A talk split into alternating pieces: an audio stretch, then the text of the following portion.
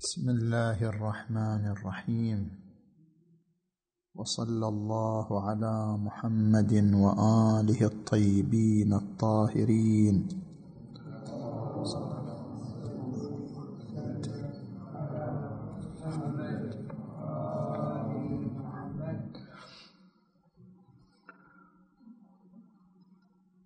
البحث هذه الليلة حول مفهوم الوحدة والكثرة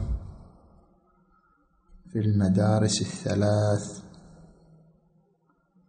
العقلية والحسية والصدرائية. وقد تعرض لهذا البحث مفصلا الشهيد المطهري طاب ثراه في الجزء الثاني من أصول الفلسفة من اثنين وتسعين وحتى صفحة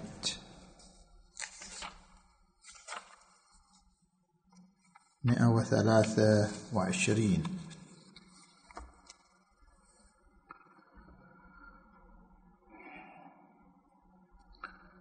من المفاهيم التي وقع التأمل والبحث فيها مفهوم الوحدة والكثرة.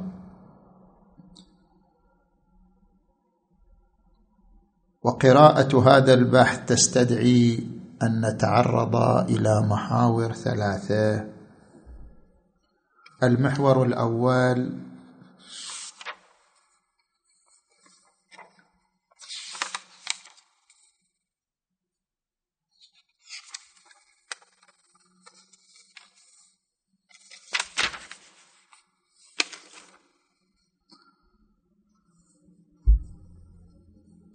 المحور الأول حول الوجود والوحدة.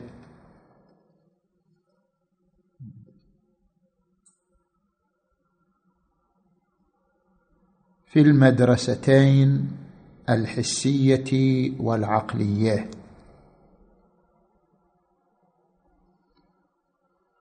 من المفاهيم البسيطة الموجودة في ذهن كل إنسان مفهوم الوجود. أيضا من المفاهيم البسيطة الموجودة في ذهن كل إنسان مفهوم الوحدة. ما هو منشأ هذين المفهومين؟ هنا لدينا مدارس ثلاث المدرسة العقلية. اعتبرت أن الوجود والوحدة كسائر المفاهيم التي مصدرها الفطرة. مفهوم الوجود والعدم مفهوم الوحدة والكثرة مفهوم الشكل والامتداد مفهوم الجسم والأبعاد كلها بنظرهم مفاهيم فطرية مصدرها الفطرة. وهذه المدرسة سبق نقدها بأن هذه المفاهيم قطعا لم تولد بولادة الإنسان وإنما وجدت بعد فهم الإنسان وإدراكه للواقع الذي حوله. فبما أن هذه المفاهيم لم تولد بولادة الإنسان فما هو مصدر وجودها في ذهن الإنسان. هذه المفاهيم وجود والوجود يحتاج إلى مصدر. فما هو مصدر وجودها وارتسامها في ذهن الإنسان؟ فإن لكل مسبب سبب. من أين وجدت هذه المفاهيم؟ فإما أن يقال أن منشأها الحس وهذا رجوع إلى المدرسة الحسية التي تأباها المدرسة العقلية.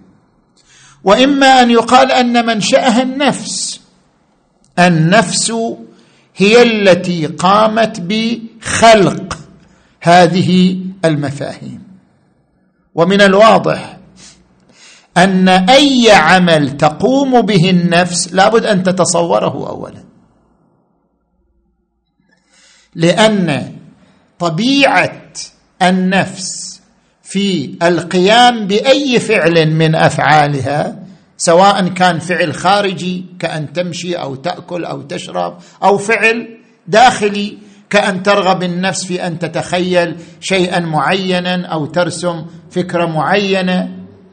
كل فعل من أفعال النفس خارجي أو داخلي مسبوق بالتصور. فيرجع السؤال إلى ذاك التصور. من أين جاء؟ إذا كان هذه المفاهيم مصدرها النفس ولا يمكن للنفس أن تصنعها حتى تتصور هذا الصنع قبل وجوده. فتلك الصورة للصنع قبل وجود هذه المفاهيم من أين أتت؟ اذا هذه المدرسة لم تقف على مصدر حاسم لولادة هذه المفاهيم. نجي إلى المدرسة الثانية وهي المدرسة الحسية. المدرسة الحسية قالوا بأن المفاهيم على قسمين بسيط ومركب وهذا سيأتي بحثه في المحور الثاني بشكل أدق. إنما نريد أن نربطه هنا. قالوا المفاهيم على قسمين بسيط ومركب. فالمفاهيم البسيطة هي التي تأتي من الأحاسيس. إما الأحاسيس الخارجية كالسمع والبصر والذوق والشم واللمس أو الأحاسيس الداخلية كالحب والفرح والحزن والغضب وما أشبه ذلك. وهذه المفاهيم التي منها الوجود والوحدة من المفاهيم البسيطة الحاصلة عن طريق الإحساس الداخلي.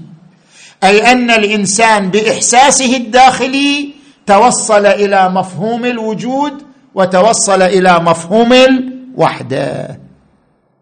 فهل هذا صحيح أم لا؟ نحن إذا تأملنا فيما يصل إليه الإنسان عبر الإحساس الداخلي. نقول نعم يمكن عبر الإحساس الداخلي أن يتوصل إلى الإدراك الإرادة الألم اللذة الغضب الفرح الحزن وما أشبهها لأن كلها ظواهر نفسية. هذه الظواهر النفسية يدركها الإنسان اولا بالعلم الحضوري يعني يشعر بها وبعد أن يدركها بالعلم الحضوري وهو الشعور يقوم بصياغة مفاهيم لها. قل هذه إرادة هذا إدراك هذا غضب هذا حزن هذا فرح هذا معقول. أما الوجود والوحدة فلا تخص الظواهر النفسية بل تشمل حتى الظواهر الخارجيه كما أن الوجود ينطبق على الوجود النفسي ينطبق على الوجود الخارجي.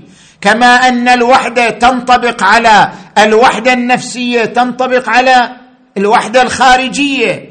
اذا بما أن مفهوم الوجود والوحدة مفهومان لا يختصان بالظواهر النفسية فلا يمكن أن يرجعا إلى المدركات النفسية. لا يمكن أن يرجعا إلى الإحساس الداخلي بحسب مفهوم أو بحسب ما قررته المدرسة. شنو؟ الحسية. اذا من أين جاء مفهوم الوجود والوحدة؟ بنظر المدرسة شنو؟ الصدرائية. طبعا إحنا قررنا قاعدة فيما سبق لدى المدرسة الصدرائية. كل علم حصولي مسبوق بعلم لا يمكن للنفس أن تصل إلى معلومة حصولية إلا بعد أن تدركها بالعلم الحضوري. هذه قاعدة لدى المدرسة الصدرائية. لأجل ذلك لا يمكن للنفس أن تدرك مفهوم الوجود إلا إذا شعرت بالوجود على نحو العلم الحضوري النفس لما أدركت وجود نفسها لأن كل إنسان يدرك وجود نفسه. النفس لما أدركت وجود نفسها بالعلم الحضوري توصلت إلى مفهوم الوجود. النفس لما أدركت نفسها ورأت أن نفسها واحدة مقابل الكثرات لما أدركت الوحدة يعني وحدة الداخل وحدة النفس لما أدركت الوحدة ادراكا شنو؟ حضوريا صاغت مفهوم الوحدة. فحسب المدرسة الصدرائية أن مفهوم الوجود ومفهوم الوحده مفهومان حصوليان قد حصلت عليهما النفس بعد العلم الحضوري وهو علم النفس بوجودها وعلم النفس بشنو؟ بوحدتها. زين. هذا المحور الأول. انتهينا منه. المحور الثاني. التحليل والتركيب لدى المدرسة الصدرائية. عندنا المفاهيم على قسمين مفاهيم بسيطة يقوم الذهن بتركيبها ومفاهيم مركبة يقوم الذهن بتحليلها. فالمفاهيم البسيطة تخضع للتركيب والمفاهيم المركبة تخضع شنو؟ للتحليل. فعندنا تحليل وتركيب. والتحليل والتركيب تارة خارجيان وتارة ذهنيان. التحليل والتركيب الخارجيان. الماء. الماء مركب خارجي. هذا المركب الخارجي يحلل إلى عناصره من الأكسجين والهيدروجين أو تركب عناصره فيتولد منها ما نسميه بالماء. هناك تحليل وتركيب خارجيان وهناك أيضا تحليل وتركيب شنو؟ ذهنيان. نجي إلى التحليل ثم نذهب إلى التركيب. مثلا عندما يتصور الإنسان شجرة شجرة التفاح هو ما يتصورها بشكل مجزأ هو يتصورها بشكل مجموع. أنها شجرة لها كيفية معينة لها رائحة معينة لها كمية معينة. بعد أن يتصورها بشكل مركب يقوم بتحليلها إلى أجزاء. الجزء الكمي الجزء الكيفي الكيفي على أنواع منها الرائحة منها الطعم منها مثلا الشكل المعين. اذا المفهوم المركب قام الذهن بتحليله وإرجاعه إلى مفاهيم بسيطة. نجي بالعكس. البسيط يتحول إلى مركب. من المفاهيم التي يدركها الذهن مفهوم اللامتناهي الله لا متناهي.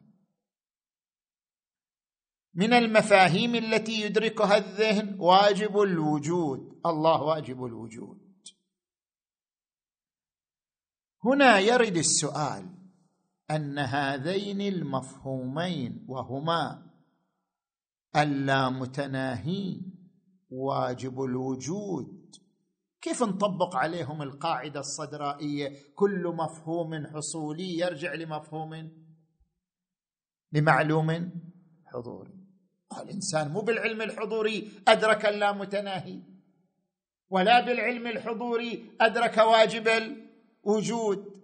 بناء على المدرسة الصدرائية أن كل معلومة حصولية ترجع إلى معلومة حضورية. السؤال هاتان معلومتان حصوليتان اللامتناهي وواجب الوجود. كيف نرجع هذين المفهومين الحصوليين إلى علمين حضوريين؟ مع أن النفس لم تعلم بالعلم الحضوري باللامتناهي ولم تعلم بالعلم الحضوري. شنو؟ واجب الوجود. اذا هل هذا استثناء من القاعدة الصدرائية أم لا؟ يجيب ويقول بما أننا ذكرنا أن من فعاليات الذهن ونشاطاته التحليل والتركيب. فهذه المفاهيم التي تراها ترى هي مفاهيم تركيبية وليست مفاهيم بسيطة. وهذه المفاهيم التركيبية عندما يقوم الذهن بتحليلها ترجع إلى مفاهيم بسيطة أدركها بالعلم الحضوري. فنجي مثلا إلى مفهوم اللامتناهي الذهن يرجع المفهوم المتن... اللامتناهي إلى حد وعدم. الإنسان بالعلم الحضوري أدرك حده. قطعا النفس محدودة. كما أن الإنسان بالعلم الحضوري يدرك نفسه بالعلم الحضوري أيضا يشعر بأنه شنو؟ محدود. بالعلم الحضوري يشعر أنه محدود وبالعلم الحضوري يشعر أن ما وراء الحد عدم. ولا ما صار حد؟ فهناك حد وما وراء الحد عدم.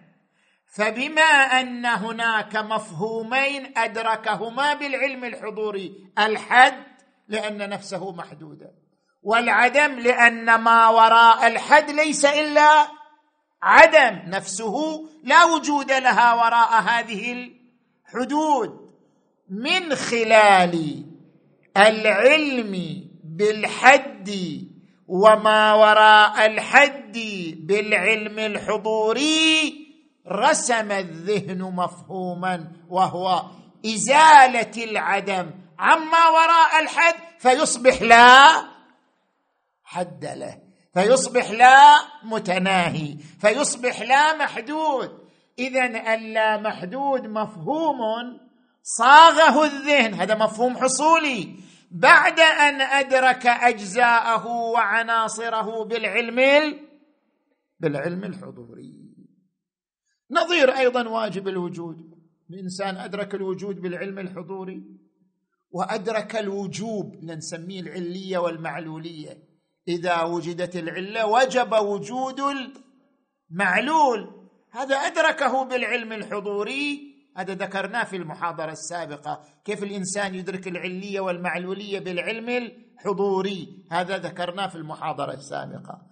بعد أن أدرك العليه والمعلوليه بالعلم الحضوري أدرك شيئا اسمه الوجوب. فبما أنه أدرك الوجود بالعلم الحضوري وأدرك الوجوب بالعلم الحضوري ركب منهما مفهوم واجب الوجود. زين. نجي الآن إلى المحور الثالث وهو المهم. ما هي مصادر الكثرة في المدارس الثلاث؟ تكلمنا في المحور الأول عن الوحدة. لدى المدارس الثلاث. الآن نتكلم عن الكثرة لدى المدارس الثلاث. نجي إلى المدرسة العقلية. المدرسة العقلية تقول الكثرة منشأها الفطرة. الفطره هي اللي زرعت لنا مفاهيم شنو؟ كثيرة. أما المدرسة الحسية فتقول بأن المفاهيم على قسمين بسيطة ومركبة. أما المفاهيم البسيطة فمصدرها الحس كلها جت من طريق الإحساس. أما المفاهيم المركبة هي اللي شكلت الكثرة. وهذه المفاهيم المركبة جاءت نتيجة قدرة الذهن. يعني الذهن ألف من المفاهيم البسيطة الوارده عن طريق الحس مفاهيم مركبة. ونشأ عن هذه المفاهيم المركبة الكثرات. فالكثرات هي عبارة عن مفاهيم مركبة جاءت من المفاهيم البسيطة والمفاهيم البسيطة جاءت من وين؟ من الحس. يقول توماس هوبز من الفلاسفة الحسيين في القرن السابع عشر لا يعني الاستدلال والتفكير في الإنسان سوى جمع المعلومات أو فصلها عن بعضها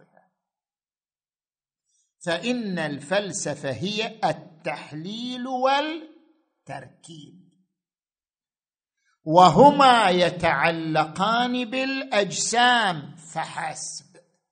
لأن ما وراء الأجسام لا يناله الحس. ما يناله الحس هو الأجسام. فهذه المفاهيم التي ترد عن طريق الأجسام في البداية مفاهيم بسيطة. الذهن يركب منها مفاهيم أخرى أو يحلل تلك المفاهيم المركبة إلى المفاهيم البسيطة. وهذا كل الفلسفة. دوخ حالك أنت تدرس فلسفة شنو؟ أوه أقول لك هوبز كلها هي تحليل وتركيب. مفاهيم جاية من الحس بسيطة. يركبها يرد يحللها تأتي الفلسفة ما تأخذ خمس دقائق. زين. هذا بحسب ما في المدرسة الحسية. نجي إلى المدرسة الصدرائية. المدرسة الصدرائية قسمت الكثرات إلى ثلاثة أقسام. الكثرة الماهوية والمقصود بالكثرة الماهوية أو الكثرة الذاتية الكثرة الناشئة عن اختلاف الأعيان الخارجية. مفهوم الماء مفهوم الشجر مفهوم الإنسان مفهوم الحجر. هذه نسميها الكثرة كثرة شنو؟ ما هوية. كلها جاءتنا من الخارج. كثرة ناشئة عن اختلاف الموجودات الخارجية. هذا القسم الأول. زين. القسم الثاني الكثره الناشئه عن الحقيقة والإعتبار. يعني شنو؟ في الفلسفة يقسمون المعقولات إلى معقولات أولية ومعقولات ثانوية. المعقولات الأولية يسمونها مفاهيم حقيقية. مثل ما قلنا الآن انت تتصور الإنسان. ما يحتاج تصور قبله هذا تصور ابتدائي. انت تتصور الشجر ما يحتاج تصور قبله هذا تصور ابتدائي. هذه معقولات أولية.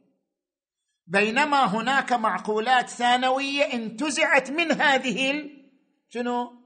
من هذه المعقولات الأولية. مثل شنو؟ هذا اللي تونا متكلمين عنه. الوجود والعدم. الوحدة والكثرة. هذه المفاهيم انتزعت من المفاهيم الأولية. لولا أن الإنسان تصور إنسانا وشجرا وحجرا ما تصور الكثرة. لولا أن الإنسان أدرك وجوده بالعلم الحضوري ما أدرك وجود الأشياء بالعلم الحصولي. اذا هذه المفاهيم الوجود والعدم والوحدة والكثرة تسمى معقولات ثانوية. يعني ما يدركها الذهن ابتداء لابد أن يدرك أشياء قبلها. وفي طول إدراك أشياء قبلها ينتزعها ويشتقها منها فتسمى معقولات ثانويه هذا القسم الثاني من الكثرة. القسم الثالث من الكثرة. الكثرة بمعنى الكلي والجزئي. مفهوم الإنسان كلي لكن مفهوم مهدي العبكري جزئي. شنو الفرق بين مفهوم الإنسان مفهوم في الخارج ما في شيئين. في الخارج كل واحد هو مصداق للإنسان بحسب الوجود الخارجي لا توجد كثرة. لا يوجد إلا نفس الإنسان لكن بحسب الوجود الذهني يوجد مفهوم لمهدي العبكري ويوجد مفهوم للإنسان. هذا يسمى مفهوم جزئي هذا يسمى مفهوم كلي. هذا المفهوم لا ينطبق إلا على واحد. وهو مهدي العبكري بينما هذا المفهوم ينطبق على كثيرين. اذا الفرق بين الجزء والكل أيضا كثرة ولكن هذا قسم ثالث من الكثرة. فالكثرة لها أقسام ثلاثة. كثره ماهويه جاءت كلها من الخارج. الكثرة بمعنى الحقائق والاعتبارات أو قل المعقولات الأولية والمعقولات الثانوية جاءت من النشاط الذهني الكثرة وهي القسم الثالث وهي هناك كليات وهناك جزئيات. جاءت نتيجة مقارنة الذهن بين ما في الخارج وبين ما ينتزعه له من مفهوم. زين. انتهينا من غير هذا الصورة. أحسن. الآن نأتي إلى بحث مهم جدا لديهم وهو البحث في الكثرة الذاتية اللي هو القسم الأول من أقسام الكثرة. اللي مر علينا الآن القسم الأول سميناه الكثرة الماهوية إنسان وحجر وماء ونار وشجر. هذا وقع في خلاف عميق بين الاتجاه المادي والاتجاه العقلي. ما هو الخلاف في هذا القسم؟ ألا وهو الكثرة الماهوية. الخلاف في هذا القسم أن الكثرة فعلا أكو شيء اسمه كثرة ماهوية؟ أو هذا وهم الاتجاه المادي يقول هذا وهم أصلا ما في ما في جسم كثرة ماهوية. مشتبهين. المادة وجود واحد وهذا الوجود الواحد له صور وألوان. تارة تشوفه بصورة شجر تارة تشوفه بصورة نار تارة تشوفه بصورة ماء بس هو وجود واحد. ما حولك كله وجود واحد له ألوان مختلفة. له إشعاعات مختلفة. لا أن هناك وجودات متباينة. شلون قوالب الثلج؟ كل ثلج إلى قالب غير القالب الثاني. لا. لا أن هناك وجودات ذات قوالب وبينها تباين. هذا اسم نار هذا اسم ماء هذا اسم شجر هذا اسم لا لا لا. كل الوجود اللي حولك هو وجود واحد يتلون أمامك بألوان مختلفة. وربما لو الإنسان ما موجود مو معلوم في كثرة أصلا. يعني جت من الإنسان المشكلة. جت من تفسير الإنسان المشكلة. يعني لأن الإنسان موجود فسر الألوان. قال هذا اسميه شجر هذا اسميه حجر هذا اسميه نار. هذه كلها تفسيرات من الإنسان. ليس هناك إلا المادة وألوان للمادة. هذه الألوان فهمها الإنسان. لا أكثر. بينما الاتجاه العقلي يقول لا هذه ماهيات ووجودات متباينة. طيب ما هو موعظة؟ راح للموعظة. بعد نعم. ما هو الداعي لنقد هذه الفكرة؟ ألا وهي وجود الكثرة الماهويه ليش تنقد هذه الفكرة؟ زي. الآن أذكر لك تفصيل الإشكال وملخص الإشكال عندهم.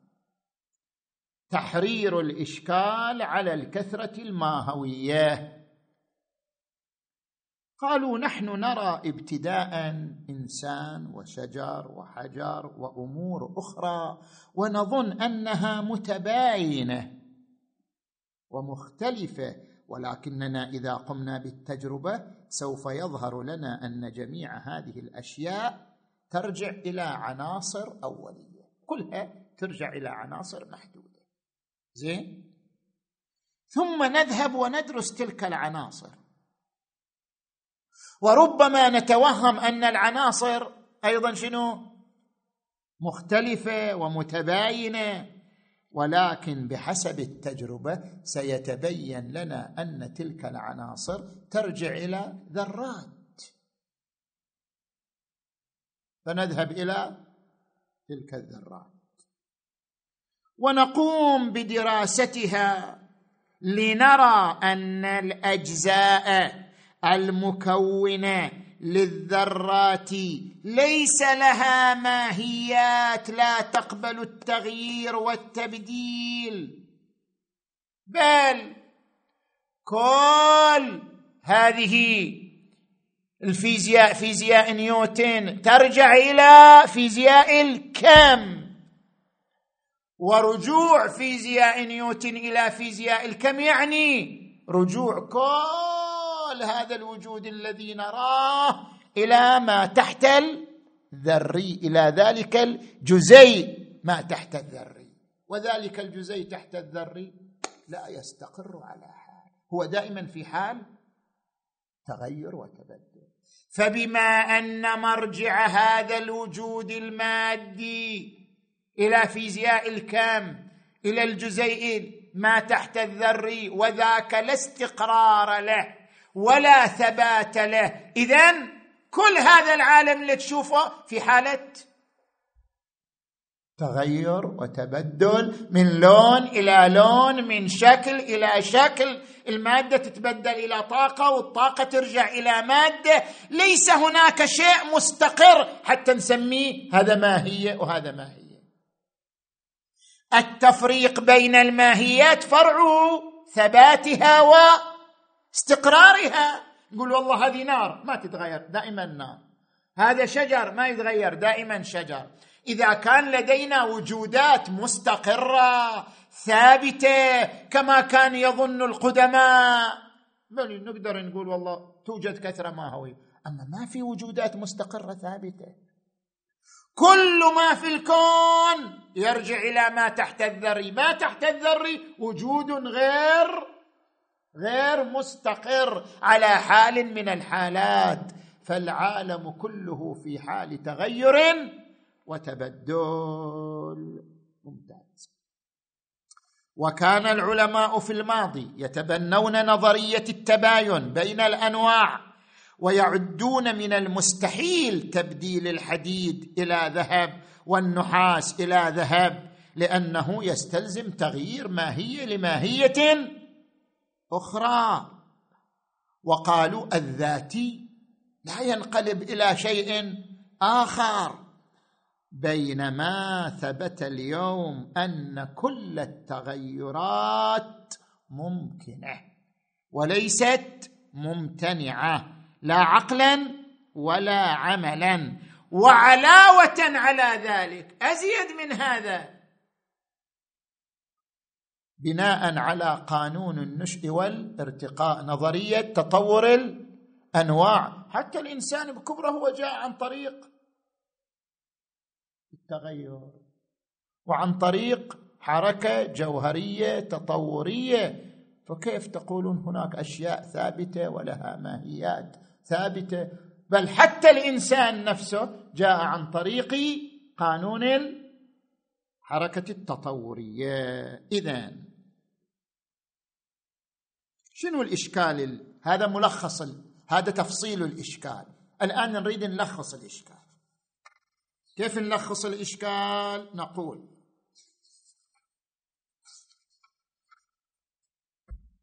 ملخص الإشكال في ناحيتين.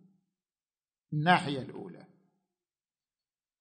إن أجزاء الطبيعة ليس لها ماهيات مختلفة. فلا ينبغي أن نفرض لكل فئة من الموجودات ماهيه مستقلة عن الفئة الأخرى. فإن جميع موجودات الطبيعة مظاهر فقط. مظاهر يعني ألوان. مظاهر مختلفة لواقع واحد. هذه الناحية الأولى من الإشكال الناحية الثانية. لو فرضنا من شياكم لو فرضنا أن للأشياء ماهيات فتلك الماهيات ليست ثابتة.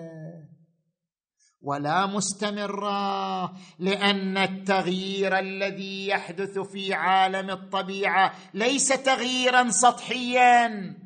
بل كل موجود في الطبيعة فهو في تغير دائم.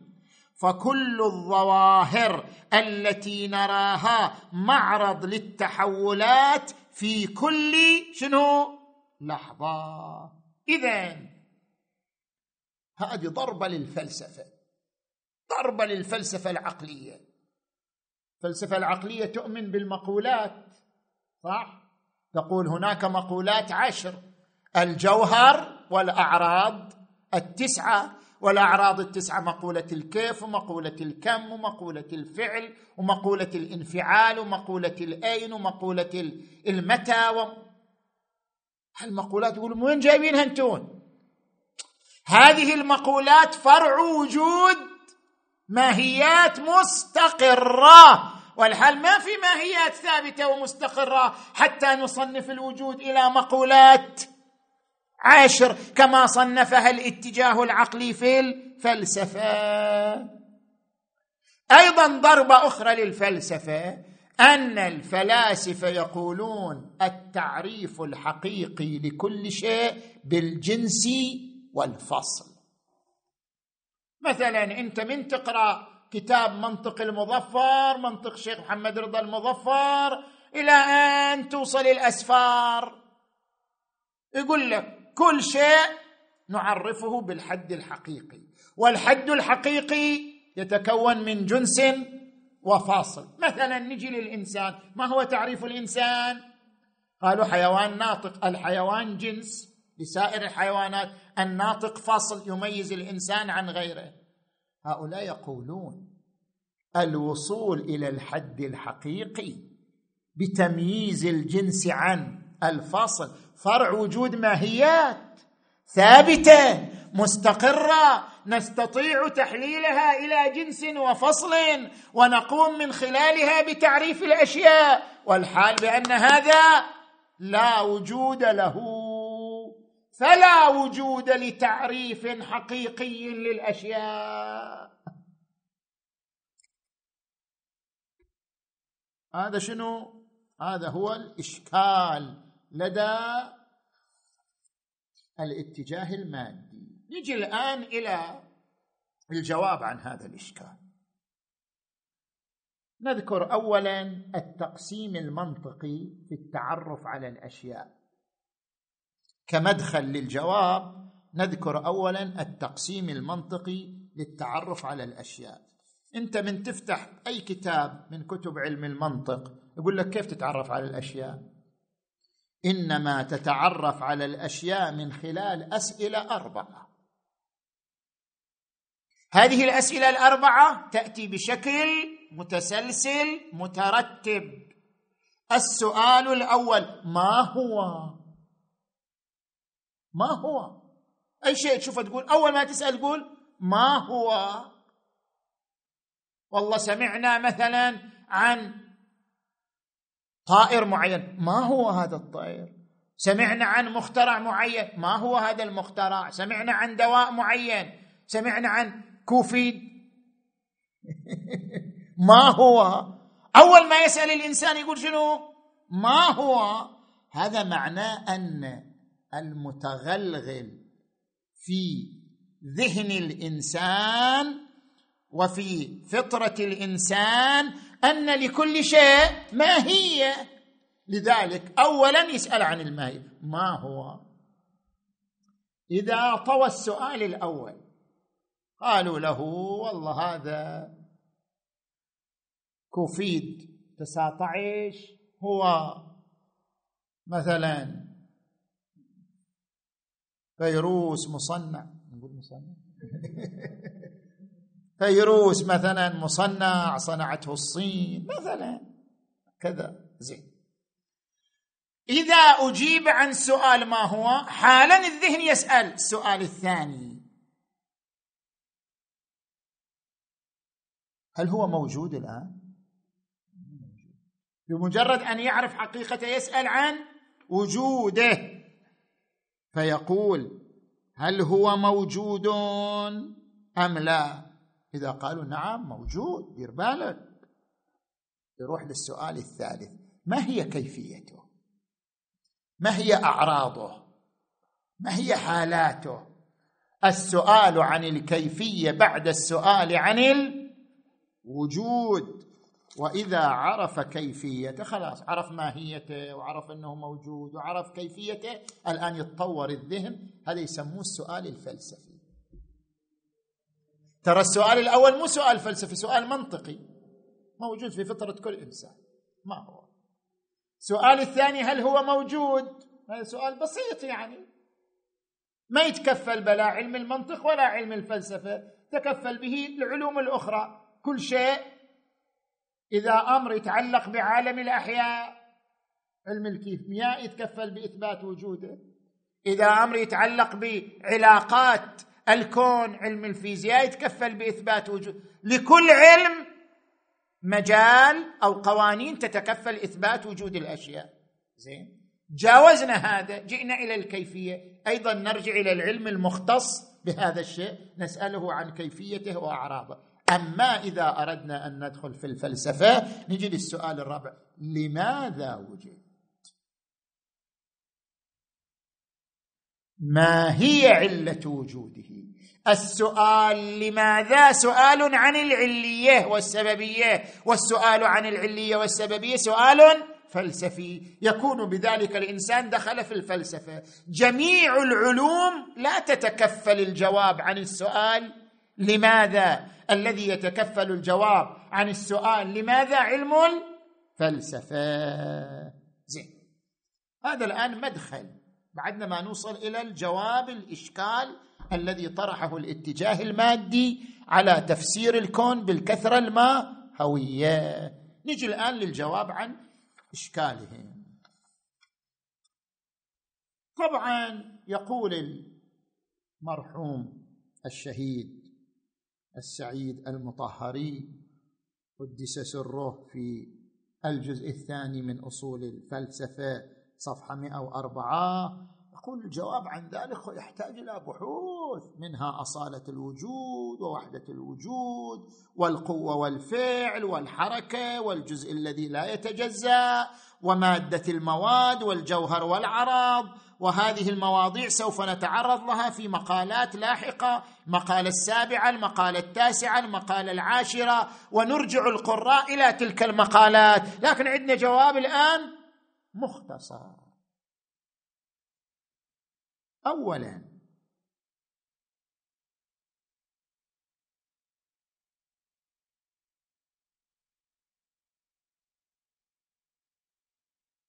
إن الواقع الوحداني.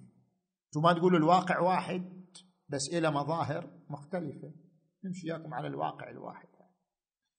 إن الواقع الوحداني الذي يملأ المكان والزمان. لا يخلو منه مكان ولا يخلو منه زمان.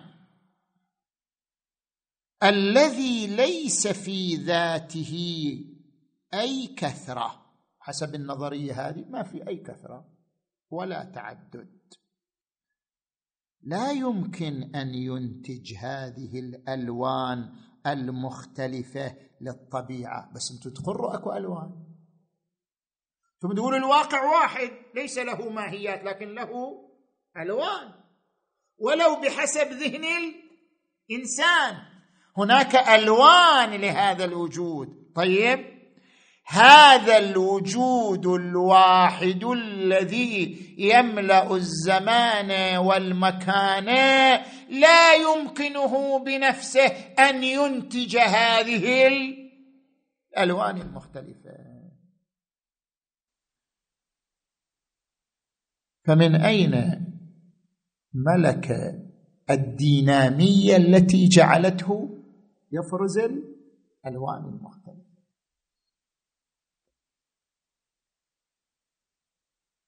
نفس الكلام إحنا مثلا عندما نجي إلى ترب مثلا من باب التشبيه مثلا نقول هذا الإنسان يبدأ من بويضة ملقحة. وهذه البويضة الملقحة تلتصق بجدار رحم المرأة. ثم تبدأ تبدأ تتحول من صورة إلى صورة إلى صورة إلى أن يخرج إنسان يفكر ويحلل ويخترع ويبدع. كيف كيف صار هذا؟ كيف تحولت تلك البويضة الملقحة إلى هذه الألوان المتعددة والصور المختلفة؟ لا إشكال أن هذه البويضة الملقحة هي في حد ذاتها. لا يمكن أن تمتلك القدرة على أن تحول نفسها إلى الصور المختلفة المتنوعة. وبعبارة أخرى الطاقة الدينامية المودعة في هذه البويضة. هذه الطاقة التي ساعدت البويضة إلى أن تتحول إلى صور وإلى ألوان وإلى أشكال إلى أن أصبحت إنسان عملاق. من أين جاءت هذه الطاقة؟ طب ما كانت موجودة. من أين جاءت؟ عندما نحلل هذه البويضة الملقحة إلى مادة منوية من الرجل وبويضة من المرأة كل منهما فاقد لهذا العالم كله. يعني هل يرجع اينشتاين أو يرجع مرتضى المطهري أو يرجع محمد باقر الصادر إلى إلى تلك المادة المنوية كل هذا الوجود مختصر في تلك المادة المنوية؟ هذه فاقدة لهذا هذه الصور المختلفة. فمن أين جاءت؟ اذا يكشف لنا هذا عن أن هناك عنصر غير مادي انضم إلى العنصر المادي هذا العنصر المادي المعبر عنه بالحويمن المنوي انضم إليه عنصر غير مادي من خلاله انغرست فيه الطاقة الدينامية التي حولته إلى صور مختلفة وأشكال متنوعة حتى أصبح إنسانا عملاقا. وإلا فاقد الشيء لا يعطيه اذا لابد أن تؤمنوا بأن العالم الذي حولكم مو فقط وجود مادي. حتى تقولون ما عندنا إلا وجود مادي وإلى ألوان مختلفة. لا.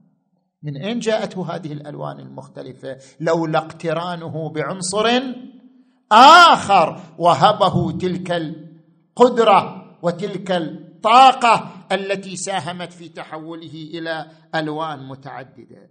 هذا اولا. ثانيا الفلاسفة عندما يقولون بأن الوجود أنواع لا يمنعون ترى من تحول نوع إلى نوع.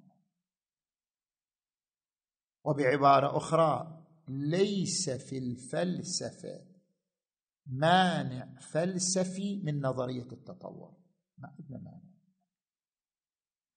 تحول النوع إلى نوع آخر تطور النوع إلى نوع آخر لا يوجد أي دليل فلسفي يمنعه. يعني لو كنا نحن والفلسفة. فالقول فالقول بتباين الوجودات. وتعدد الماهيات. لا يمانع القول بتحول نوع إلى نوع. حتى يجي هذا الاتجاه المادي يقول نحن نرى الأشياء تتحول.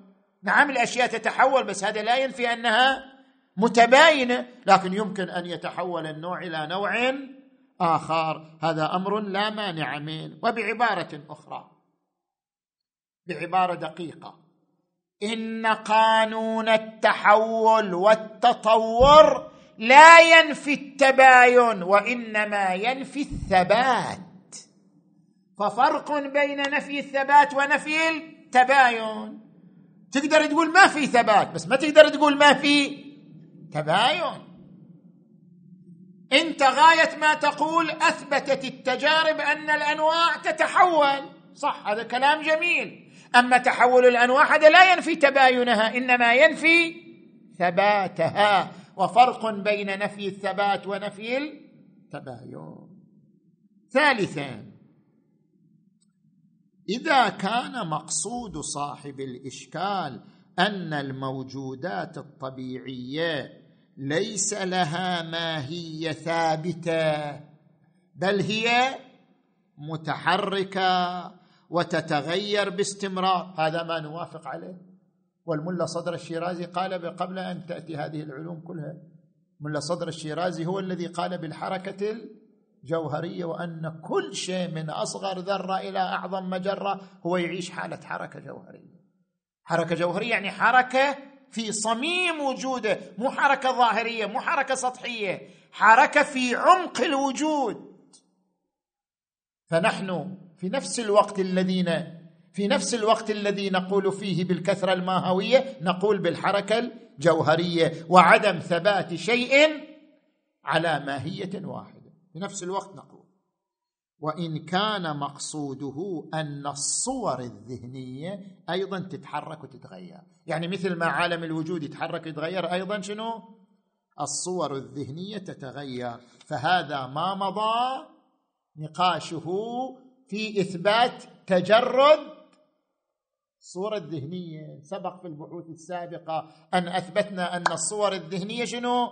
وجود مجرد والوجود المجرد لا يعيش الحركة لا يعيش التغير من القوة إلى الفعل بل الوجود المجرد فعلية ثابته لا يعيش حركة وتغيرا من القوة إلى الفعل. الذي يعيش الحركة والتغير هو عالم الوجود الخارجي لا الصور الذهنية. خوش.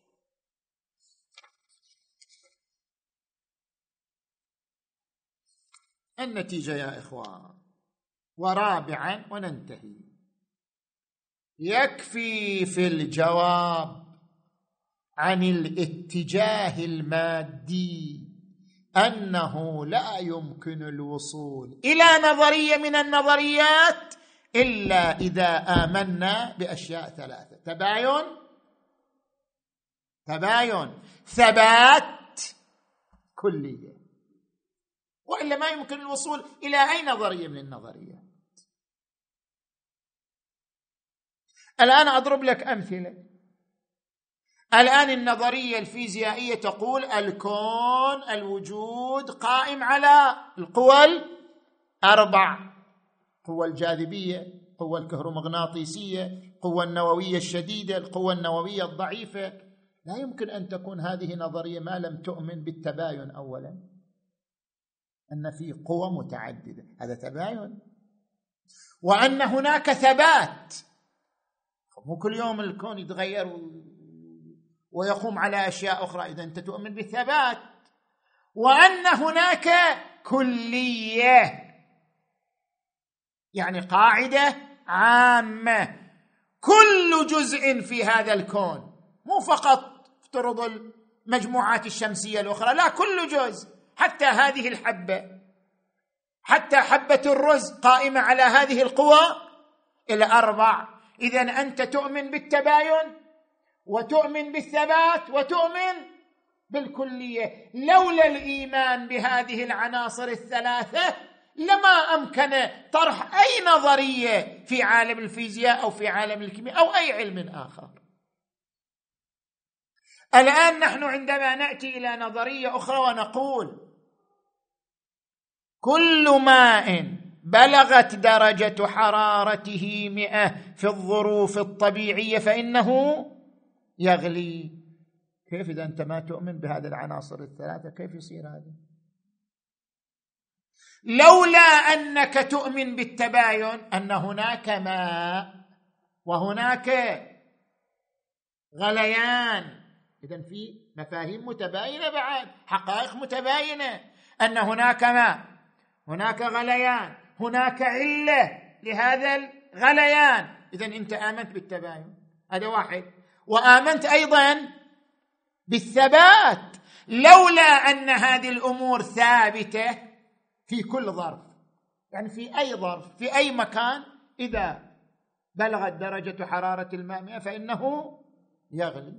ولولا أنك تؤمن بالكلية لما استطعت اختراع هذه والتوصل إلى هذه النظرية. اذا الإيمان بأن العلوم قائمة على نظريات قد تتحول هذه النظريات إلى حقائق هو بنفسه متضمن للإيمان بأن ما حولنا يعيش تباينا وثباتا وكليه وهذا ما يقرره الاتجاه العقلي في الفلسفة والحمد لله رب العالمين.